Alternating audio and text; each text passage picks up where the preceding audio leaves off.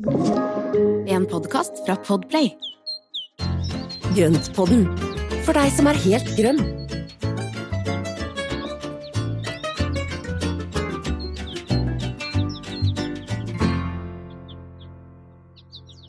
Hallo, alle sammen. Eh, Jeg regner med at Espen eh, klipper bort det flaue franske, italienske innslaget i begynnelsen. Men eh, ja, vi har bestemt oss for å holde oss til norsk i dag også, og ønsker Ja. dermed velkommen til Grønnpodden alle sammen. God dag, Espen. God dag, Marianne, og velkommen. Eh, Jeg tror, det, jeg tror det er best for alle at vi da fortsetter på norsk, for at dette her, eh, ja, det kan bli veldig mye spennende ord, og nye ord som ingen har hørt før. Det, Utvilsomt. ja. Men det blir jo litt sånn når man skal uttale disse her eh, latinske navnene og de der familieslektsnavnene på en del av plantene, så blir man jo litt sånn tullerusk. Så Ja. det er fort gjort. Det er noen av de ordene eller navnene er litt sånn tunge, hva heter det, tungerullere? Litt sånn Ja. Ja litt, litt God, utfordrende for munnen. god gymnastikk. Ja. Absolutt. Så det. Men er det bra med deg? Du, det er veldig bra med meg. Eh, Ja? Det er nydelig ute. Det er bare så vakkert. Nå er det varmt, og det blåser ikke så mye lenger, så nå kan vi faktisk Nei. være ute ganske lettkledde. Men vi har altså bleie bra. på, så det er, alt er anstendig. Men, men liksom trenger ikke det ekstra laget med ull. I dag har det bare vært bomullsgenser, og det er Ja, det er deilig, da. Mm. Men det er noe med når lufta da blir varm, så skjer det jo også alt så mye fortere. Det er jo Plutselig så eksploderer jo Mm. denne blomstringa og altså grønsken og alt sammen. Det, alt blir så grønt, alt blir så fargerikt med en gang. Ja. Jeg blir like overraska hver gang, jeg. Men det er jo også noe Jo, men det er også bra. Det er, eh, det er Jeg kjenner at det er litt sånn der sår i fingertuppene etter all den der rotinga i jorda, graving og prikling og, Mm. og det ene med det andre. Men eh, det er veldig bra. Kose meg ute. Så ja. Og ser at ting gror. Det er jo det som er så gøy. Men jeg Mm. oppdager jo også plutselig så er vi langt ute i mai, og så er det jo masse ting jeg ikke har fått gjort. Så jeg, jeg hadde en sånn liten sånn derre eh, stressøyeblikk hvor jeg tenkte at shit, her skulle jeg gjort mye mer. Men så lente jeg meg tilbake og tenkte nei, nei, det går ikke i år. Nå har vi lært at vi skal ta en bolle og kopp kaffe i Mm. så nå gjør alle det. Da må jo du fortsette å, du må du fortsette å gjøre det du òg, som har lært oss det. Ja, men det er det, det er det som er. Og så jeg gikk heller rundt og så ga en liten skvett vann til det som trengte, og så tenkte jeg at ja, ja, men det, i morgen er en ny dag. Så dette her går helt fint. Så, og så tenker jeg at det er nok planter uansett. Mhm. Så jeg, jeg klarer jo ikke helt å dy meg, og vi har jo nylig vært på enda en runde på hagesenter og samla sammen, så det er jo um, for å si det sånn, det derre begrensningstankegangen, eller den derre intensjonen om å redusere litt antall på planter, det funker ikke. Men det er ingen som tror at du egentlig legger liksom hjertet ditt i den tanken. så, så du kan bare slutte, og så bare kjør på, du. Ja, ikke sant. Det er bare å kjøre på. Men vi fant også, det må jeg bare fortelle, vi fant også en fantastisk fuksia, som er da i nesten sånn eh, ferskenfarve med nesten burgunderskjørt. Altså den var Ja, det er så, det er så mye fint. Hvor var du da? over. Mjærum staudegartneri ute på, på, i Hobøl. Mm. Der er har de mye fint og veldig hyggelig Ja. sted. Ja, et, Ja. Det er ett av favorittstedene. Så der ute så er det også ja, veldig mye spennende ting som du ikke får tak i ellers. Og samme er det jo på Hesleberg, som er også en av mine favoritter. Så vi har jo noen sånne go to-steder for mm. å finne de gøye tingene. Ja. Og jeg savner dyregartneri. Ja, Ja. men det er også en av de topp tre Mhm. som, eh, som jeg tenker at det er, er verdt å få med. Jo, også Krukkegården i Ås. ja. Altså, Fuck. vi kan ikke glemme det. Nei. Nei, Så- nei, nei. Altså, den lista blir veldig lang, det er egentlig. Topp tre vi består av en sånn eh, ganske mer enn tre, for å si det sånn. Ja. Vi har en håndfull som vi bare må til, og det er sånn eh, jevn frekventering. Mm. Mm. Så bra. Men du, skal vi liksom slide elegant over på dagens tema? Vi Ja, det skal vi gjøre. Ja? Har du lyst til å si et er jo? Ja, spiselig. Uh. Oh. Spiselig, sa du. Og da tenker alle Ja. at ja, nå skal vi i grønnsakshagen, men det skal vi ikke. Eller vi Nei. kan jo ha den der òg, men altså, vi skal snakke i dag om Espen, nå kan du liksom Så du at jeg gjør sånn til deg, nå skal du si det. Ja, så, det, nå skal vi snakke om oksalis. Ja. Og det er jo altså uansett, uansett hva vi skal snakke om i dag, så tenker jeg at pryd-nytte-kombinasjonen er veldig gøy. Det skal, vi, det skal, vi, snakke mer om senere, og med jevne mellomrom. For det, det, å inkludere nyttevekster sammen med prydvekstene, og se at de er like fine og kan være like dekorative, det er gull verdt for en Mm. hage som ikke har plass til en kjøkkenhage. Så, så det, da har vi bare etablert det som, som, som en ting. Men eh, oksalisen, den skal vi snakke om i dag. Og det er jo gaukesyrefamilien som vi har tenkt til å ta tak i nå. Og, og det er jo egentlig fordi vi er veldig, veldig glad i disse her små tassaladene som da står der, og så klapper de sammen bladene, og så står de og strutter med bladene Mm. ut, og så henger de litt, og så retter de seg opp, og de er veldig sånn levende. De er jo eh, Ja. ja. Litt humørsyke noen ganger, men det er altså så morsomme planter. Det er nesten som å ha et kjæledyr. Liksom, ja, altså, hvis man er allergisk. Nei, det var veldig dårlig sammenligning. Men det er veldig morsomt det at de faktisk liksom de reagerer, altså de, de, de beveger på seg. Det er jo Ja. morsomt, da. Og de responderer jo både på lufttrykk og temperatur og på, og på, um, på eh, lys, lys og mørke. Så de har jo da alt dette her, og de da klapper sammen når de skal legge seg for kvelden, og så, ja. Veldig morsomme, og det er jo en liten mekanisme som sitter inne i bladfestene, og det er jo et av kjennetegnene for oksalisene, eller disse gaukesyrene, er at de Mhm. beveger på bladene, og at bladene er flikete og delt. Veldig Så, avansert. Ja, det er det, altså. Så, og det er jo litt sånn Jeg vet ikke, mange har sikkert vært borti denne her eh, sanseplanten, eller mimosa, som Mm. da er eh, Så du, når du tar på den, så bare ploff, så legger den alle bladene helt ned. Og, da, og det er litt sånn for beskyttelse, tror jeg. Så det at den da mm, klapper sammen når den da blir berørt, eller når den blir redd. Mm. For jeg tenker for ofte så Det jeg tenker på, er at, at det er det fordi at de gjør det om kvelden, og at det er Mm. et eller annet at de kanskje skal liksom prøve å beskytte seg mot uh, Altså hvis At ofte så blåser det mye, eller at det er mye altså endringer Eller hvis det regner. Liksom. Ja, at liksom det er sånn at det da uh, Men det henger jo ikke helt sammen med at det bare er om kvelden, da. Nei, altså glem Jo, jeg sier. Jeg skal ikke Jeg kan, kan egentlig ikke det her, men jeg har bare tenkt på det at liksom er, Legger du deg for kvelden, liksom? Skal du beskytte deg sjøl litt ekstra nå ved liksom å slå sammen disse bladene dine? Mm. Men jeg, altså sånn eh, umiddelbart så kunne jeg kanskje tenke meg det at det har noe med dog å gjøre, nattedog. Mm, ja. Fordi at hvis da nattedoggen legger seg på bladene og de står rett ut, så vil jo ikke den kunne nyttiggjøre seg det, men Nei. i det øyeblikket bladene er falt ned, Ja. eh, så vil jo den nattedoggen kunne da samles opp i dråper og dryppe ned mot eh, rota. Smart. Kanskje det har noe? Ja. Jeg vet ikke. Og så blir de ikke så tynget ned av doggen, da. Nei, det gjør det heller ikke. Men Så, har vi det. Dette er en grønn det grønnpål-sannhet. ikke sant. Stadig nye. Så det, det som er litt morsomt, er at gaukesyrefamilien hører til da Oxalidakia, som er en plantefamilie i Oxalidales, sier Wikipedia. Men det som også er gøy, er at den da inneholder eh, 875 arter som er fordelt på tre slekter. Så Mm. det som er litt av greia som vi konkluderte med innledningsvis når vi begynte å undersøke litt mer, er jo altså, det er så mange, Mm. Og Så mange tar- fine.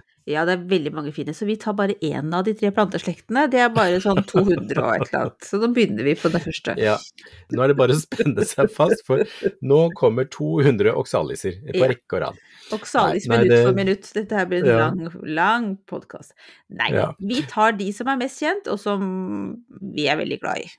Mm. Mm. Og det er jo da tetrafyllaen, som er den firkanta, eller med fire blader, og gjerne den som heter Iron Cross, som har dette mørke krysset i midten. Og så har vi den som du er veldig, veldig glad i, og som, eller jeg også er glad i, den, Triangularisen. ja, Mm. sommerfuglgaukesyre. Ja. Det er den lilla burgunder med de rosa blomstene, Mm. eh, som også er utrolig fin. Og så skal vi ta med en som heter articulata. Ja. Vi holder oss til dem.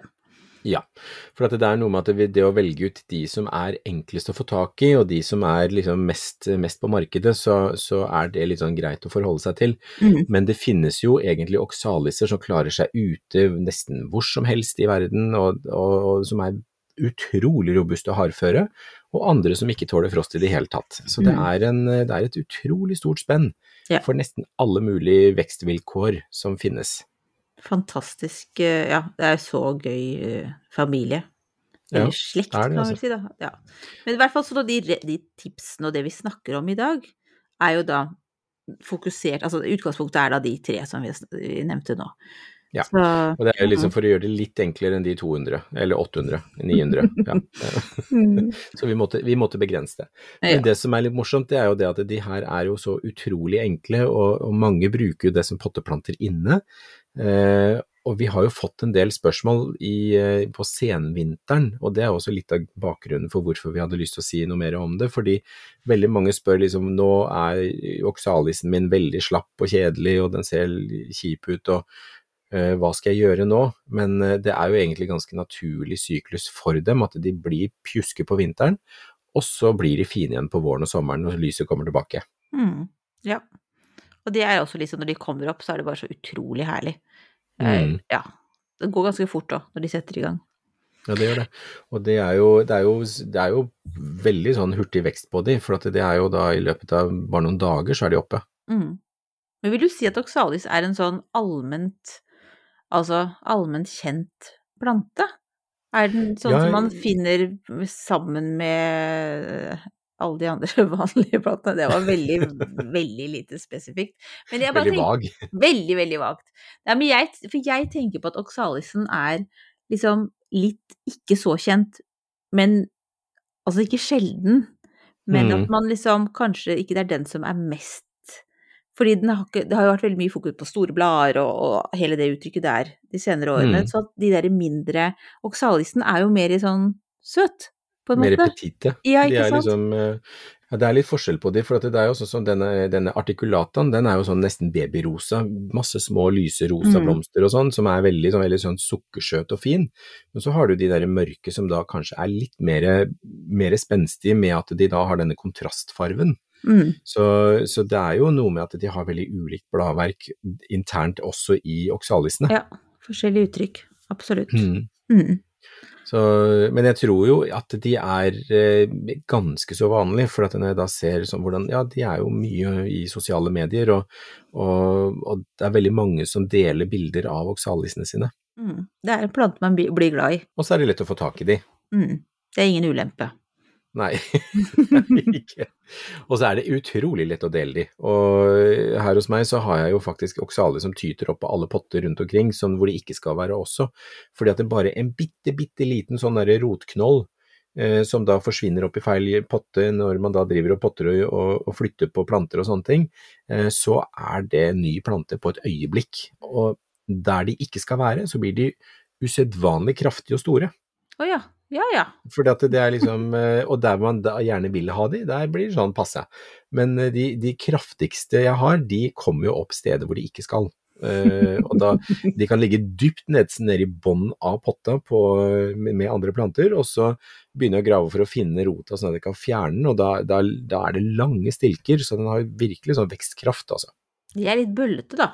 Eller altså, Mm. de vet liksom at, hva de vil, kan vi si. Mm, De det gjør de. Men de sprer seg. Jeg tenkte med det, for nå var du egentlig litt på å begynne å beskrive hva slags plante oxalis er. Går det an å si Mm. noe sånn Er den Det er en knoll, da, vet vi nå? Ja, knoll eller løk. Det er, eh, det er en sånn rotknoll, og den, si, den som heter da triangularis, den sommerfuglgaukesyra, den burgunder, den har en knoll som ser ut som små skjell som sitter sammen etter hverandre og Mhm. lett smuldrer opp. Ja. Eh, Men der så sitter det også en litt sånn glass, nesten sånn glassklar, sånn eh, gråhvit eh, knoll i tillegg til, som da sitter også, og det er også en del av knollen. Så den har Mm. liksom to typer røtter.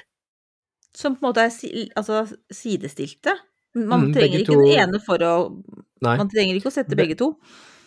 Så det, altså planter du den ene eller planter du den andre, det blir, blir nye planter uansett. Mm. Så, men når du graver opp en sommerfuglgaukesyre, så kan du plutselig se at det er litt sånne rare knoller på den, og da er det bare det at det er to forskjellige typer. Så Mm. det er ikke noe farlig, og der inneholder det ganske mye væske, sånn at den vil også klare seg med tørke i lang tid. Så den, den er egentlig veldig robust sånn å overvintre.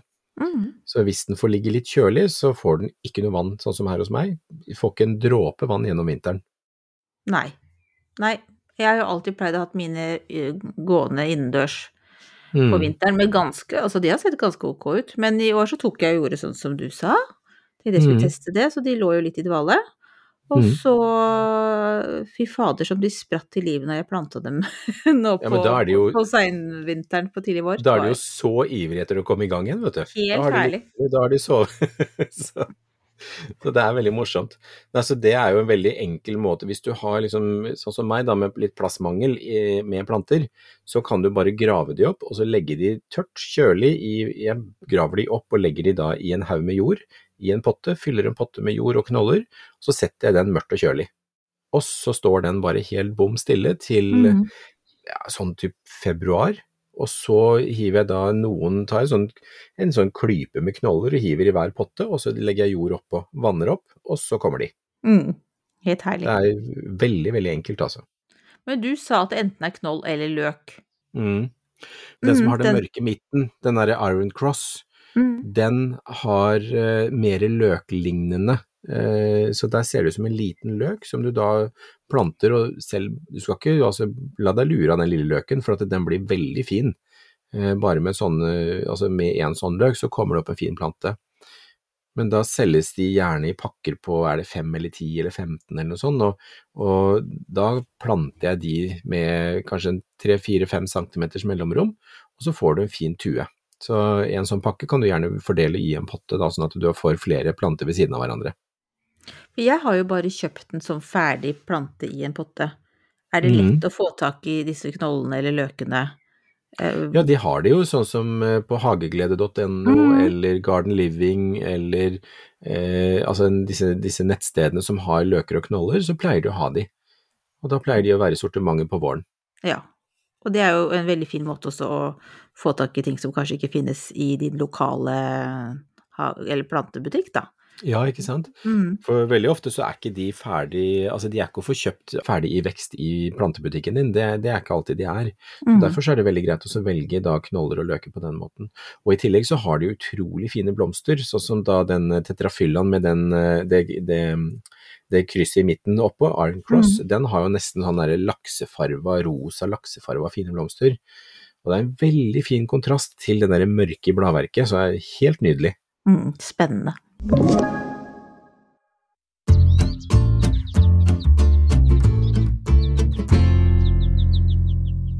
Nå har jo du allerede tatt oss litt igjennom det med planting, men kan du ikke bare sånn, bare for sikkerhets skyld, bare gå igjennom stadiene?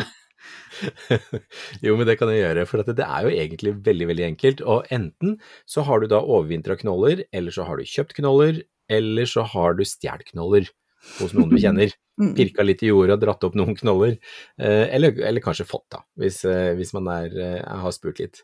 Men det som du gjør da, det er jo da egentlig å finne godt veldrenert jord. De liker jo da å vokse i skogsområder, så er da en god veldrenert jord med da gjerne langtidsvirkende næring, alt dette her, sånn som vi da liker. Også hull i bunn på potta du planter i, alltid. Eh, og så legger man da disse knollene utover i, eh, i eh, eller oppå opp på jorda, og så dekker med, jeg vet ikke, en centimeter cirka med ny jord. Og da blir de liggende under, og så vannet. Og så er det rett og slett bare å sette de i vinduskarmen, eller sette de ut og vente på at de skal spire. Da skjer det ganske kjapt, litt avhengig av temperatur. Men i vanlig romtemperatur så pleier jo de å sprette opp i løpet av en uke eller to, Mm. Det er så herlig. Ja. Mm. Men de skal ligge da- ganske, ganske Altså, de skal ligge høyt i krukka. Trenger man en dyp krokke likevel, eller kan det være ganske grunt? Altså, Det er lurt å ha en litt dybde på krukka, for at Mhm. røttene vil jo jobbe seg nedover liksom for å da finne fuktighet. Og i tillegg så vil du da ha mer stabil fuktighet med en større, altså større krukke med et større jordvolum. Mm. Så hvis du har en grunn, liten krukke, så er det veldig mye vannejobb. ja. Så er selv liksom om du legger knollen over, så må du tenke på at det skal være et, dyp under der. Ja. For de vil jo jobbe seg nedover for å finne næring og, og fuktighet, så det Mm. er, eh, det er egentlig veldig greit. Så, så er det jo da å sette de ut, hvis man da har lyst til å dyrke de ute. Jeg har de jo ute, øh, og som da hageplanter, og der øh, planter jeg det ut i store, store trau eller store, større kasser, i større grupperinger, for at det, det syns jeg er veldig fint. Mm. Jeg jeg vil ha dem overalt, jeg. Ja. Og det er kjempefine å sette innimellom planter i bedet. Altså sett de ned i bakken, altså hvis du har noen til overs, så bare hiv de ut og sett de ned der hvor det passer, og i blomsterbed og mellom stauder og sånne ting. For sånn som den eh, burgunderfarven, den er jo en kjempekontrast til nesten alt annet bladverk, og Mhm. nesten alle blomster. Åh, nå fikk jeg lyst på et bed med det. Jeg har aldri, vet du hva, hallo, så teit, jeg har aldri tenkt på muligheten. Det kan bli kjempefint. Ja, og og hvis du har en gammel plante, så kan du spre den utover og lage 20 nye på et øyeblikk. Mm.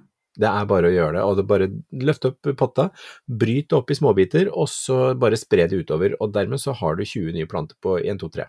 Mm. Så det er, det er en veldig enkel måte å få nye planter på. Så, så kan man da velge å ha de ute eller inne, men ute så setter jeg, altså jeg planter jo ut ganske tidlig, og så får de lov å komme opp i takt med andre ting ute. Så jeg satte jo mine ut i påske.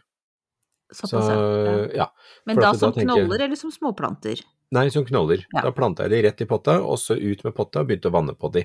Og da er det en og annen frostnatt går greit, fordi frosten går ikke inn og ned i jorda, men eh, da begynner de å komme opp nå på den tiden her, og nå er det liksom et tett, fint teppe med sånne småspirer. Og nå er det jo frostfritt.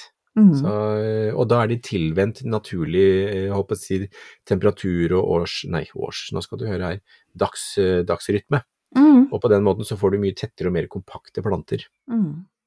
Kan man ha dem ute året rundt i noen strøk? Er Nei, de tåler ikke frost. Nei. Så de, de trevi som vi snakker om nå, hvis de får frost, så dauer de. Mm. Og, så det er det, det Jeg har prøvd, jeg har testa det. Fordi jeg har vært egentlig litt nysgjerrig på det og, og testa det ut, og de blir bare vassende og dårlige. Når, Ja. når frosten er borte, så, så er de ødelagt. Så det er ikke noe, mer å, ikke noe mer å ta vare på. Hvis man bare har dem som inneplanter, Mm. er noe skal man da bare la dem kjøre på året rundt, eller skal man også da prøve å gi dem en liten pause om vinteren, eller ja. Det er egentlig Ja. Det er jo egentlig som inneplanter, så kan du da gi dem en pause ved å sette dem mørkt og kjølig.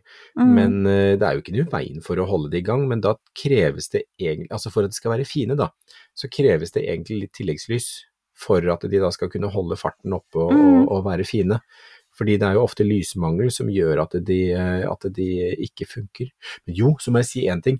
Den der, eh, eller egentlig alle disse her, de er superfine å ha i små vaser hvis man skal da lage borddekorasjoner eller ha små vaser på bordet. Mm. Altså knip av og så sett disse her i vase, de holder seg ganske lenge i, i vann. Så de er kjempefine dekorative i vaser. Ja, Mm. det var et godt tips. Eh, Innimellom andre småblomster. ja. Mm. Jeg er litt tilbake, du slipper ikke unna denne inneplanten så lett. For jeg bare tenker på, er det egentlig sånn at Fordi det du har lært oss, er jo at planter har en syklus, ikke sant? Og noen Mm. vil ha dvale og alt det der. Men er det sånn at oksalisen da egentlig synes det er litt slitsomt å måtte holde på hele året rundt? Vil den egentlig ha pause? Jeg tror ikke det, eh, men det er jo noe med at når høsten kommer og ute, og du ser at plantene de, de blir ganske slitne. Så, så det er Jeg syns det er egentlig ganske greit å, å gi de en pause. Eh, og det er jo både for min del, men også for, for plantenes del. Men det er, det er ikke nødvendig. For at jeg vet jo at de kan dyrkes året rundt, men det som er at de blir veldig slakke sånn på, på midtvinters og, mm. og utover. Før lyset kommer tilbake, så blir de så tustete at mange syns egentlig at det er greit å slippe eh, å, å ha de. Mm, For ja. de er er ikke noe fine lenger. Nei. Nei, er ikke sant. Ja, nei, men da kan dere velge selv, da. Det, Men de er, eh, ha dem i vinduskarmen, eller sette dem ut på balkongen, eller altså, de er, de er fine overalt, altså. mm, ja, de er knallfine. Mm. Men så skal vi komme inn på dette med den spiselige delen, da. Ja, og det er jo, altså det er jo, spiselig er jo med litt modifikasjoner, for det er en del oksalsyre i de. Så det er jo også de som er plaga av nyrestein, eller hvis det er noen som da er, eh, er sensible på syre, så, Mm. så bør man ikke spise så mye av de. For at Mm. det er jo en del, det er en del syre, og, og derfor så bør de spises med litt grann, eh, ja, litt rolig. Du spiser ikke og gafler i deg en plante. Det er mer for pynt og dekor. Hva skal vi ha til middag i dag? Jo, det Det er vær så god, her er det nok salis. Men den er veldig fin som spriken over i-en i en sommersalat eller ja. Ja, ikke sant? Og de der bitte små, ja, og de der bitte små blekrosa blomstene som da kan ligge bare på, eh, Mm. på en kake eller på Ja, nei, det er, det er kjempedekorativt og veldig fin farve. Så jeg ville nok eh, egentlig tatt og, og, og ja, brukt de som, som den prikken over i-en, som du sier. Mm. Og nå var jo jeg som gjorde at du sa litt feil, for det heter jo ikke oksalsyre som jeg har skrevet, men oksalsyre. Hva slags syre er det? Er den Det er jo en del, altså det er jo en del planter som inneholder det, og det er vel det samme som er i rabarbra. Så, og disse gamle, altså vanlige, det man kalte for syre når vi var små, mm. det er jo de der høye stilkene som vi tygde på med da Mhm. røde sånne, sånne små s- så blomsteraktige greier på toppen. Ja. Så, og det er, en, det er bare en syrevariant, etter hva jeg vet. Mm. Men det kan Den- bli veldig kraftig. Det, Ja. det kan være, og den, det jeg har lest er at den også kan eh, påvirke nyrestein og sånne ting, så man skal være litt forsiktig med den. Mm. Da holder vi oss til den som dekor, eller litt sånn spiselig dekor. Ja. Så, så ingen liksom ja, det ikke skjer noe med dere bare for at vi sitter og så prater om at det er Ja, så ikke så får vi, får vi skylda for Ja. det. Etse bort, etse bort emaljen på tennene og liksom kommer ut.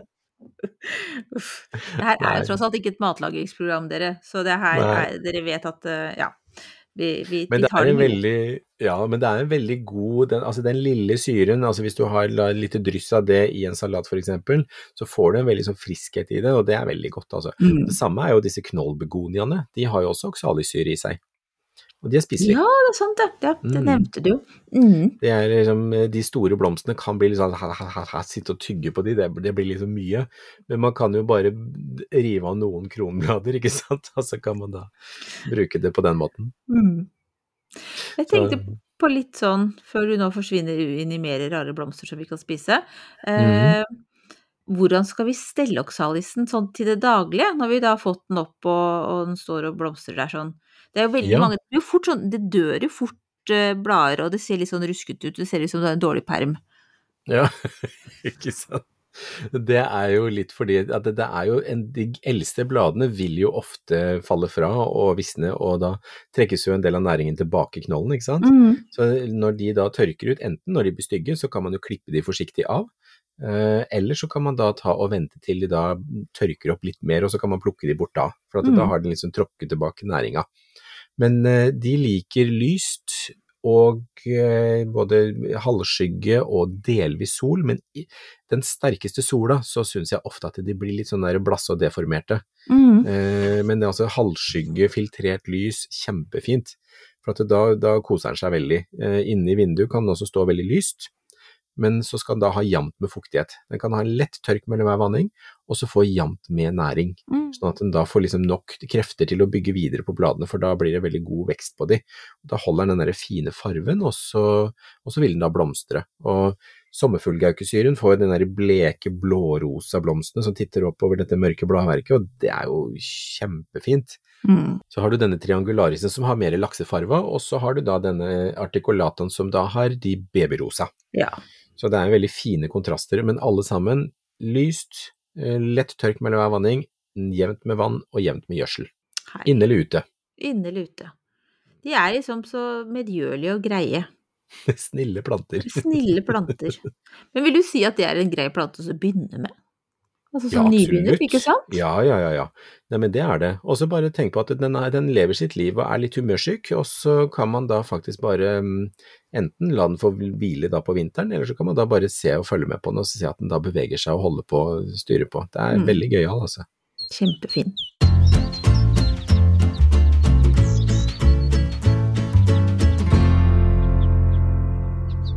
Ukas plante, Espen. Fra én plante til en annen. Noe he skal vi si at dette er noe helt annet?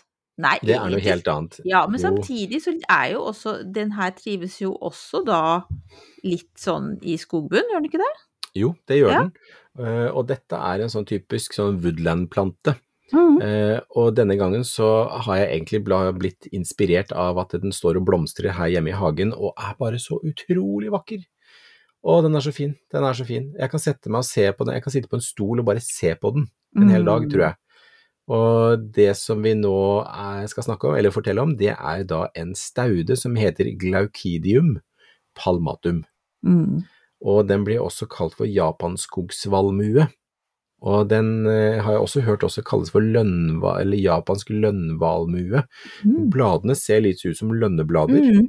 Det gjør Og så har den da en veldig Altså det er en staude, så den vil jo da visne helt ned, og da ruller det seg opp noen sånne fantastiske blader, og så sitter det da disse helt unike blomstene på toppen. Litt åpne med mye støvbær i midten, og så har de en sånn rosa, blårosa farve som bare er Den skinner når sola Mm. skinner. Altså, den er De er så fine. Jeg likte Og- rullebevegelsen med hånda di når du skulle Ja, vise ikke det. Bladene kom opp fra jorda. ja, det er sånn, det er sånne fine, fine bevegelser på den, og den er Mhm. så vakker. Og den er robust. Den tåler faktisk opp til H6. Ja. Hvor langt opp er vi Mm. da? Da er vi, da er vi store deler av landet, altså. Mm. Så altså, tenk deg at da øverste klimasone er H8, så er H6, da er vi ganske høyt opp på, på skalaen. Og eh, den liker da veldrenert, muldrik jord som er lett fuktig, jevnt fuktig, eh, filtrert lys under andre store trær og sånne ting, hvor det da er litt sånn lett, eh, lett solskinn innimellom. Mm. Og så er den da, etter blomstring, så står den med utrolig fine blader. Store, litt sånn hårete, lønnaktige blader. Så å, jeg håper jeg har solgt inn denne, for den er så utrolig fin. Men er den lett å få tak i? Er det, enda, det er enda en på lista over sånne fremsnakksplanter for å få dem inn Ja. i, i, i handelen. Ja. Ja, det er det det er. Og eh, den er jo litt sånn, eh, det er litt sånn for samlere, og gjennom da foreninger, lag, eh, jeg håper å si planteloppemarkeder og, og hagelag, gjennom mm. Hageselskapet eksempel, så tenker jeg at det er, eh, det er litt den veien å gå. Eller da spesielt utvalgte eh, planteskoler, hagesentre, som mm. man da kan få tak i. Og så er den faktisk tildelt ROS Award of Garden Merit i England, altså engelske hageselskapet, så det er jo, det er jo veldig, veldig Altså, den har fått en del utmerkelser, og den er, bare, den er bare så utrolig fin. Men nå har jeg hatt den her i, er det tre år? Første året så var det et lite blad, i året etter så kom det én blomst, og i år så har den faktisk kommet, nå er det en hel tue. Oi! Så den, den har en veldig fin utvikling. Mm. Så gi den sånn lett næringsrik jord og jevn fuktighet, og så filtrert lys. Mm. Hvor står den i hagen din? Nå står den under, eh, under et kirsebærtre som er veldig veldig tynna ut, sånn at den får lett sånt sollys innimellom. Mm. Så, og da får den det, det filtrerte lyset som den liker. Og da står den ved siden av Canada blodurt og, eh, og anemonella talikteroides, er de små ruanemonene, og sånne lette sånne skogbunnplanter. Mm. Høres veldig fint ut, i området. Ja, det er, eh, akkurat nå så er det veldig fint. Jeg har klart å dytte inn en hel gjeng med blå svibler, så det var veldig annerledes og veldig artig kombinasjon oppi alt dette her. Jeg tenkte, jeg tenkte ikke helt farvesammensetning når jeg satte den inn, men fordi at disse rosatonene går over i det blå, så funker det allikevel, altså, så, så lukter det godt i tillegg. Ja, herlig. Mm, gøy. Skal vi gå over til spørsmålet, du? Ja, det skal vi gjøre. Og det var ganske Det- mye. Og så har Ja, jeg det- lagd sånn liten om jeg bare forstørrer skriften litt her på skjermen min, for at jeg ser ikke. Jo, det er Malin. Som Mm. Ja, hun sendte det her egentlig til eh, spørrepodden, som vi hadde forrige uke. Eh, men det her syntes vi vi skulle ta liksom litt for seg sjøl. Um, hvilke sommerblomster kan en forvente at vil få samme type eller farge når man høster frø? Skal jeg lese hele? Nei, Det er egentlig Ja, det er jo det, men det er jo også da hvordan, eh, hvordan man da kan høste frø fra de favorittfarvene man liker, og, Mm. og hvordan man da kan være sikker på å få det. Ja. Og det er nesten umulig så lenge du har flere innenfor samme farver, altså flere forskjellige farver av de samme arten i hagen. For da må man, for å få helt eksakt type, så må man bestøve med en liken, og så må man isolere den sånn at den ikke blir bestøvd med noe annet. For da blir det Det er- Det kan bli krysninger. Mm. Og det er jo derfor så er det veldig vanskelig å, å, å si Så lenge du har flere av eh, samme sort i hagen med ulike farger, så er det veldig vanskelig å si hva du får ut av de frøene som kommer i etterkant. Mm. Og så er det en annen ting, og det er jo dette som vi har snakket så vidt om før, og det skal vi si mer om senere, men dette med F1-hybrider, fordi det er en del planter som du sår, og og det er jo tobakksplanter og en del andre sommerblomster som da er eh, det man Og ikke minst grønnsaker, frukt og Mm. grønnsaker med tomater og agurker og alt Mm. dette her. Så er det dette med F1-hybrider. Og da er det en kontrollert krysning med to foreldre som gir et helt spesielt avkom, som da er en F1-hybrid. Og det er jo da, eh, da er det egenskaper som da er enten på farge, lukt eller duft, eh, det kan være smak på tomater, eh, sykdomsresistens, det kan være mange ulike ting som ligger i denne krysningen som da er helt kontrollert. Eh, I neste ledd, som da er en F2, som da man etter at man har hatt den i hagen og krysser med, med hva som helst, så vet vi ikke hva vi får. Nei. Så de egenskapene vil da stort sett bli borte.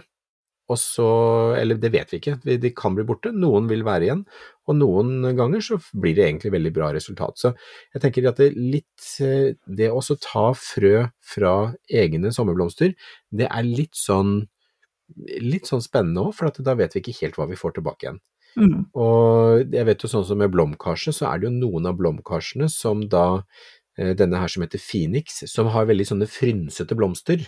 Når du da høster frø fra den, så kommer det ut helt vanlig ordinære oransje eller gule, med glatt kant på blomsten. Okay. Mens enkelte av de kommer ut med den frynsete som, eh, som Phoenix er. Så den det er- taper det er- liksom egenskapene sine på en Mm. måte, da. Ja. Fordi at de er en hybrid. Nei, men den står ikke heller at det er en F1-hybrid, så det er, det er litt interessant. For det, Mm. det er vanskelig å si, for noen ganger så skjer det bare sånn. Og jeg har også Jomfruen i de grønne, som da hadde fantastiske kombinasjoner av rosa, blått og hvitt. Og så tok jeg da og høsta frø fra de. Jeg sørget for å ta fra alle de eh, frøkapslene jeg kunne, blanda dette sammen, rista det godt, sådde på nytt igjen året etter, og de ble blå. Ja. Det var, det, var ikke, det, var ikke en, det var ikke en rosa en der, det var ingenting annet enn blå. Hmm. Og det er liksom no, Noen ganger så blir det litt sånn for, Så hvis man er ute etter helt spesifikke farger, så tenker jeg at da er det greit å kjøpe akkurat de fargene man er ute etter. Mhm. Eh, ellers så tenker jeg at det er litt spennende med det naturen har å by på. Eh, sånn med da tanke på de krysningene som kan oppstå. Noen ganger så får vi enda finere varianter som du kanskje ikke hadde tenkt på. Mm. Så hvis man har lyst til å la seg overraske, og har Mm. lyst til å også sanke egne frø og hjemme hos seg sjøl, Mm. så er jo det eh, egentlig helt herlig, da. Ja, jeg syns det er ja. best. Jeg samler masse, masse frø, og det er, Mhm. eh, det er alltid gøy å se hva som kommer opp, for at det er, jeg har jo så mye forskjellig rart, og så er det ting som krysser seg hit og dit, og ender opp med at oi, se på den du, der var det en ny en. Denne var en ny variant. så, det, så jeg tror det er, det er det. For hvis man skal gå inn på å um, og, og ha kontrollert bestøvning, så må man i stor grad gjøre det selv. Og så må man da isolere blomstene, pakke de inn sånn at det ikke kommer insekter til, slik at man da får de kontrollerte bestøvningene for å være eksakt sikker på det som er. For da, da må du da ha pose, sånn tøypose rundt mm. blomsten til den åpner seg og er klar for bestøving. Og så må du ta den andre blomsten som du skal bestøve med, og så bestøver du, de- eller kryssbestøver de, de to. Og så pakker du den inn med pose igjen, slik at den ikke da skal bli pollinert av insekter.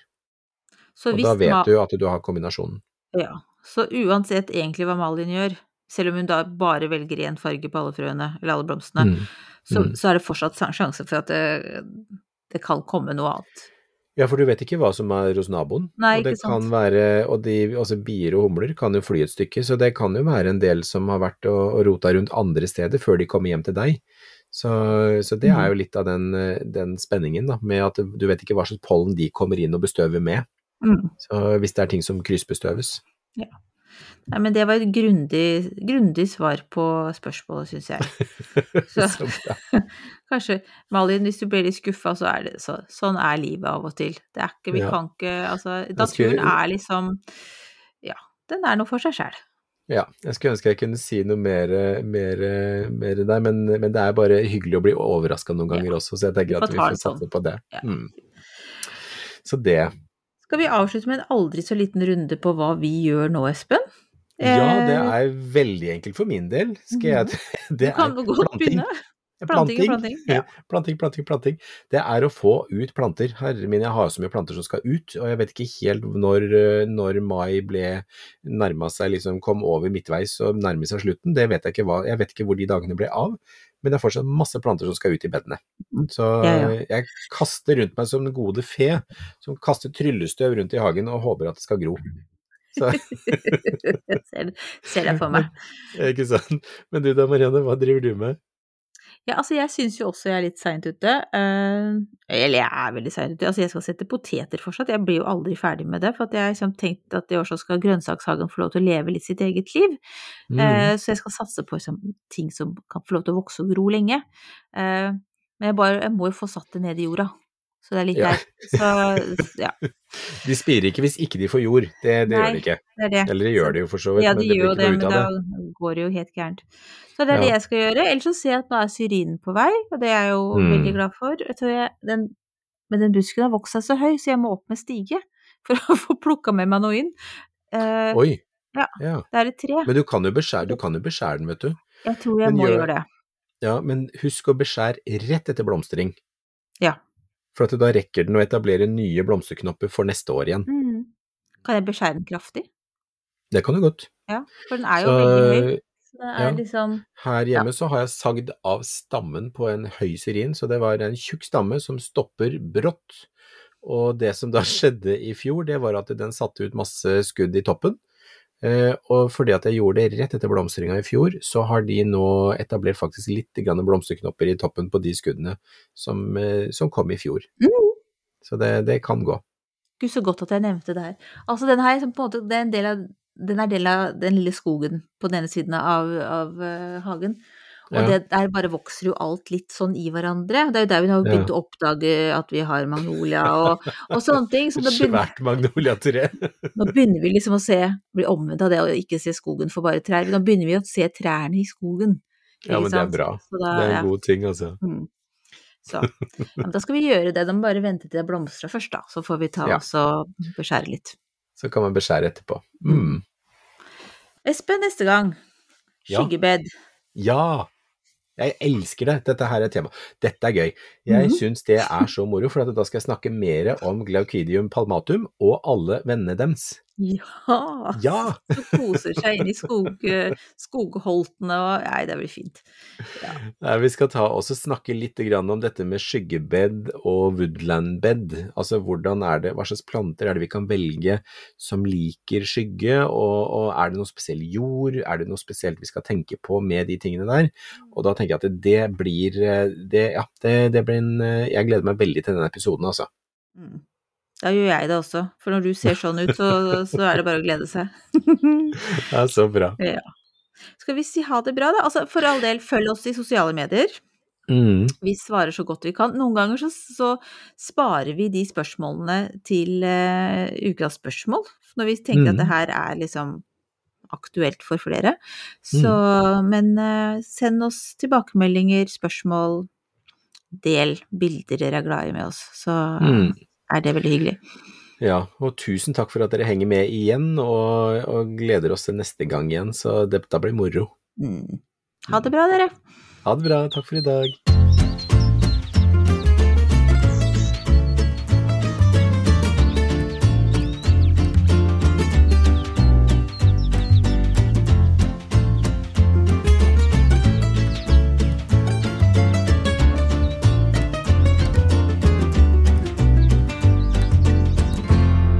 Du har hørt en podkast fra Podplay.